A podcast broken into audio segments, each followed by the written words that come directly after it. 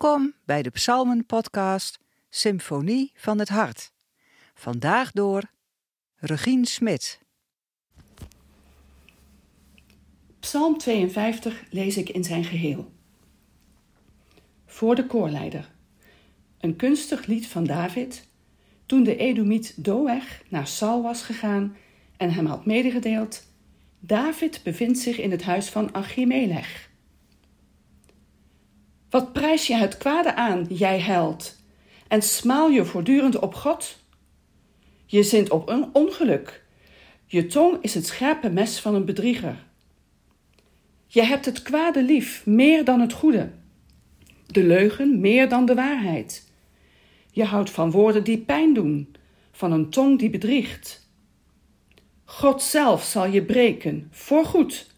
Hij zal je grijpen en meesleuren uit je tent je wegrukken uit het land van de levenden.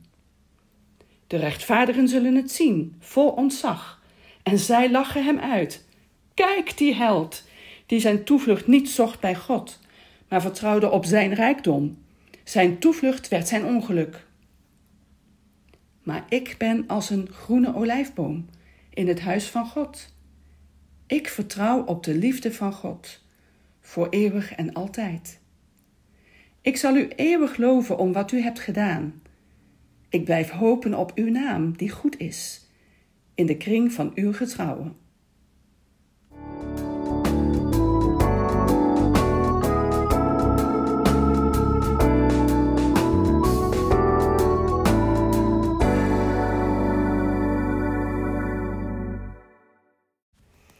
Op het eerste gezicht levert deze psalm een heerlijk eenvoudig schema van gerechtigheid. Daar kun je tenminste wat mee. De slechterik, de goddeloze, die geniet van het kwaad dat hij over anderen uitstort door te liegen en bedriegen, die zal Gods oordeel niet ontlopen. Ja, er zijn wel wat namen die we hier met genoegen zouden kunnen noemen. De grote mannen op hun troon, die niets en niemand ontziend hun macht uitoefenen ten koste van anderen. Poetin, Lukashenko, Trump, Orbán. Wie ziet niet graag dat ze van hun voetstuk vallen en uitgelachen worden door hun slachtoffers? God zelf zal je breken, je grijpen en je wegrukken uit het leven. Yes! Maar als we dan bij vers 10 aanbelanden, waar staat: Maar ik, ik ben als een groene olijfboom in het huis van God. Ik, ik vertrouw op de liefde van God voor eeuwig en altijd. Hmm, wie kan dat zo onversneden van zichzelf zeggen? Wie is er zo zuiver van hart? Wie is er zonder zonde? Wie heeft altijd de weg van de waarheid, de volledige afhankelijkheid van God gekozen? De psalm wordt toegeschreven aan David en wel in verband met zijn bezoekje aan het huis van de priester Achimelech. Wie zich verdiept in dat verhaal in 1 Samuel 21 voelt dat alles gaat verschuiven. David is op de vlucht voor Saul, maar doet bij de priester alsof hij als legeraanvoerder van de koning een geheime opdracht van Saul heeft. Door allerlei leugens te vertellen, krijgt hij de toonbroden mee en het zwaard van Goliath. Hij ziet dat Doeg, een hoofdstaflid van Saul, hem daar heeft gezien. Koning Saul is inmiddels zo gebeten op David dat hij de hoogste loyaliteit van zijn dienaren eist. Wie niet voor mij is, is tegen mij. Dan vertelt Doeg hem wat hij heeft gezien. En vervolgens moet de priester Achimelech, die te goeder trouw heeft gehandeld en vraagt om clementie, worden geslachtofferd, al dus Saul.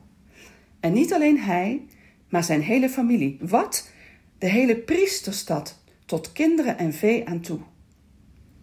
Doeg is in zijn ijver om Sal te behagen grenzeloos. Jazeker, er zijn slechterikken in dit verhaal. Saul, die grenzeloos verhardt tegenover David. Doeg, die als een SS'er tekeer gaat. Er zijn ook onschuldige slachtoffers. De priester zelf, maar zeker ook de kinderen in de stad die helemaal niets hebben gedaan. Er zijn ook echte helden, namelijk de paleisgarde die Sauls opdracht om te doden weigeren. Maar er is maar één leugenaar in dit verhaal en dat is David.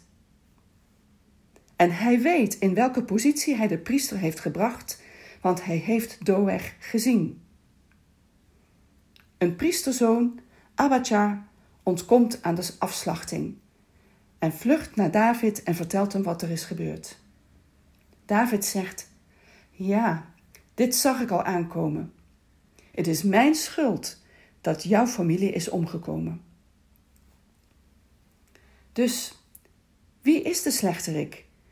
Tegen wie David zo fulmineert in het eerste deel van de psalm? En wie is de onschuldige in het tweede deel? De commentaren weten er eigenlijk niet zo goed raad mee. De meesten ontkoppelen het opschrift en de psalm dan maar, want dat is er later aan toegevoegd. Maar er is een andere manier om deze psalm te lezen.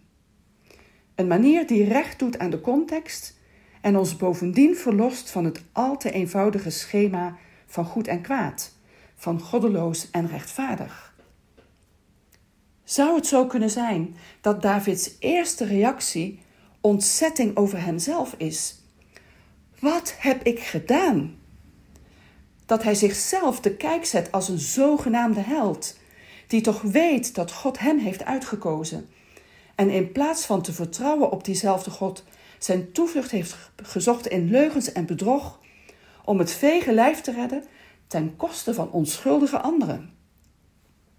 David beseft dat hij de hoge roeping die God hem heeft gegeven niet heeft beantwoord. Natuurlijk is het ontzettend moeilijk, de situatie waarin hij zit. Hij is gezalfd tot koning, maar staat op dat moment verder van de troon dan ooit. Maar hij maakt het niet waar. Hij veracht zichzelf en zou het liefst zien dat God hem vernietigt. Maar dan is er ook die andere stem in hem, de andere David, die weet dat hij geroepen is en ondanks deze uitgeleider toch bestemd is om die groene olijfboom te zijn in het huis van God. David is een mens met vele kanten. Hij heeft de leugen altijd dichtbij. Dit is niet de laatste keer dat hij zich ervan bedient. Er zullen er nog vele volgen. Maar deze feilbare mens keert toch altijd weer terug naar God. Blijft dankbaar dat God naar hem heeft omgezien en blijft hopen op Gods goede naam. Wie inzoomt op een situatie van goed en kwaad, ziet dan pas de nuance. Of het nu om de Tweede Wereldoorlog gaat, of om de onafhankelijkheidsoorlog van Indonesië, of het conflict aan de Oekraïnse grens, of onze eigen familieconflicten of relatieproblemen. Net als David kunnen we onszelf soms zo diep verwensen en verwerpen als we hebben gelogen en bedrogen om onszelf te redden. Maar we worden in deze psalm aangemoedigd om ook in onszelf die andere stem te vinden, die weet dat God ons niet verwerpt en op ons wacht, totdat we terugkeren naar zijn huis, om genade en vrede te vinden.